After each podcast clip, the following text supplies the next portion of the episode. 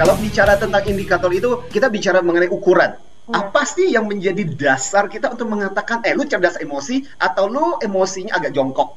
Nah, termasuk juga dalam situasi sekarang ini berarti kita ngomong, oke, okay, bagaimana caranya kita bisa tahu ketika seseorang itu emosinya kondisi stabil atau dalam kondisi alert, dalam kondisi waspada, lampunya udah lampu merah. Bagaimana caranya kita bisa tahu?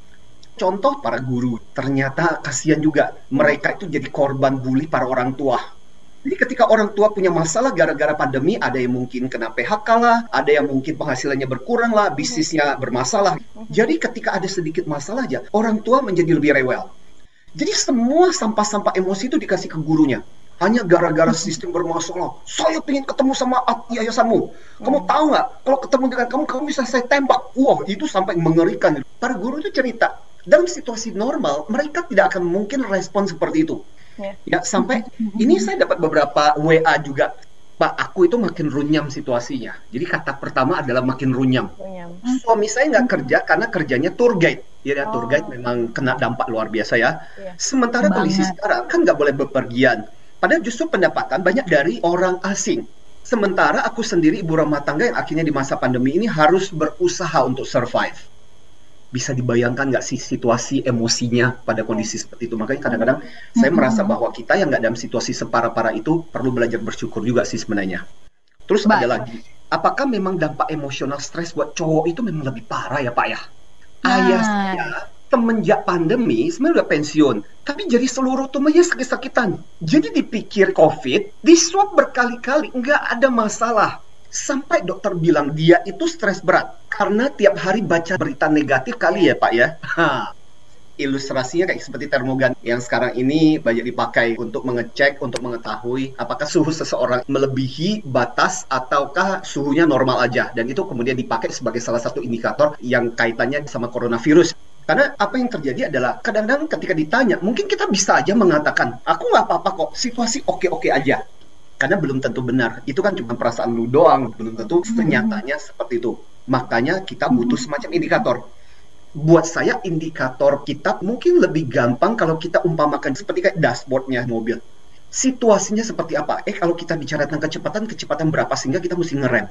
Hmm. Misalnya posisi bensinnya gimana? Masih full ataukah posisinya udah kritis banget? Atau misalnya contoh temperatur. Jadi kita bisa tahu mesin ini panas atau enggak Jangan sampai ketika kita udah merah tapi masih dipaksa dan karena kita nggak waspada kemudian malah bahaya. Saya punya catatan misalnya contoh kejadian tragis di Papua tahun 2005 dulu. Namanya KM Digul. Jadi kapal yang kapasitasnya 50 tapi konon penumpangnya itu sampai bisa 200 orang dan tengah malam akhirnya kemudian tenggelam.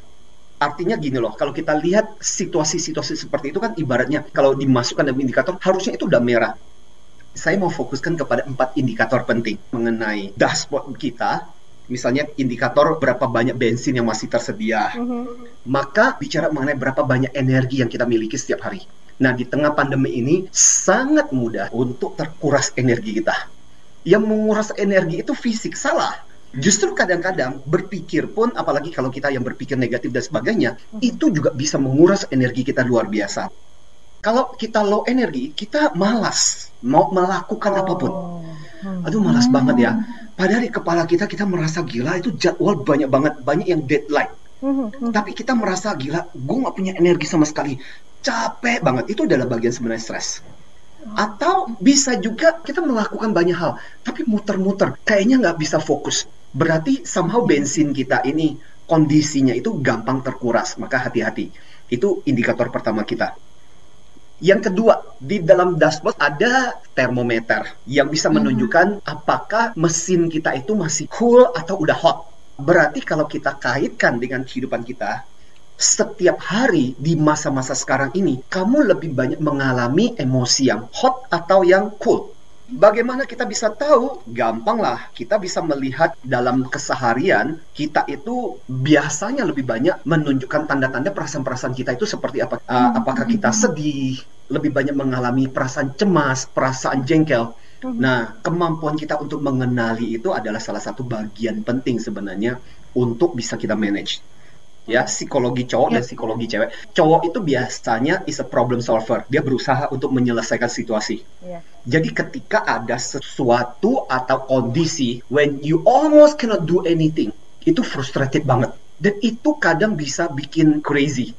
Sementara buat cewek ya udah bisa lebih gampang berdamai dengan situasi. Kalau kita baca bukunya John Gray itu kan menarik. Man from Mars, Woman from Venus. Digambarkan bagaimana laki-laki sejak dulu itu adalah tough dan itu evolusi masih tetap terjadi. Makanya buat saya dalam situasi seperti ini as a cowok, pertama-tama kita sendiri menyadari admit lah. Paling bagus itu sebenarnya mengakui bahwa situasi kondisi itu tidak normal, maka kita mengalami kondisi seperti ini. Dan buat cowok sendiri kadang mengakui bahwa dirinya itu fragile. Fragile itu pasti kayak rapuh. Rapuh. Itu Rapuh ya. sesuatu yang enggak banget sebenarnya. Tapi ketika kita mencoba untuk jujur dengan situasi ini adalah salah satu bagian penting untuk terapeutik buat kita. Jadi satu adalah berusaha untuk embrace the situasi, ya berusaha untuk embrace. Yang kedua adalah berusaha untuk excited. Jadi ketika dia bisa shifting dari emosi perasaan-perasaan yang negatif ke yang lebih positif, itu akan menuntun dia untuk lebih berpikir lebih kreatif dan itu penting banget. Indikator kita yang ketiga adalah speedometer. Jadi kalau di kendaraan itu ketika kita gas itu kan speedometernya langsung naik. Hmm. Itu menunjukkan kecepatan. Ya. Nah, ini juga ada hubungannya dengan selama masa pandemi ini, ini bicara mengenai level stresnya kita. Apakah level stres kita justru menjadi sangat tinggi, ataukah kita bisa mengendalikan? Tapi menariknya gini, seperti kendaraan. Kalau dia nggak ada putaran sama sekali, berarti kan berhenti. Sebenarnya ketika kita terlalu banyak liburan dan tidak melakukan apa pun, kita pun juga stres. Jadi sebenarnya salah satu hal penting adalah make yourself busy. Bahkan untuk orang tua, ketika tidak ada kesibukan, justru itu sering kali menjadi salah satu hal yang merusak. Wah, gampang banget terkena penyakit-penyakit demensia, penyakit-penyakit stroke dan Oke. sebagainya. Makanya stress level itu penting, tapi jangan juga sampai terlalu berlebihan sehingga akhirnya kemudian overwhelm, bingung. Dan last but not least, indikator yang keempat yaitu oli. Perlu ganti oli setiap hari nggak? Nggak Nggak. usah, Nggak. kecuali lu kaya banget. Hmm. Oli simbol apa sih? Buat saya adalah simbol motivasi. Hmm. Artinya sesekali dalam perjalanan kehidupan kita ada kalanya ketika bahkan motivator bisa juga terdemotivasi. Justru malah ini kesempatan untuk belajar. Saya misalnya contoh sekarang menjadi bagian dari tim yang dari dulu saya bercita-cita. Yaitu apa? Timnya John Maxwell. Dia adalah salah satu guru kepemimpinan yang luar biasa. Nah, saya menjadi bagian dari timnya di Indonesia untuk sharing mengenai program-programnya John Maxwell sesuatu yang kalau dalam situasi nggak pandemi, saya mesti berangkat ke US dengan susah payah dan itu akan menghabiskan begitu banyak waktu. Nah, sekarang saya bisa melakukan dengan gampang dari rumah. Jadi artinya gini loh, ada begitu banyak opportunity, kesempatan yang terbuka buat kita untuk bisa kita lakukan kalau kita mau melihat itu. Ya. Salah satunya membangun kita untuk motivasi kita.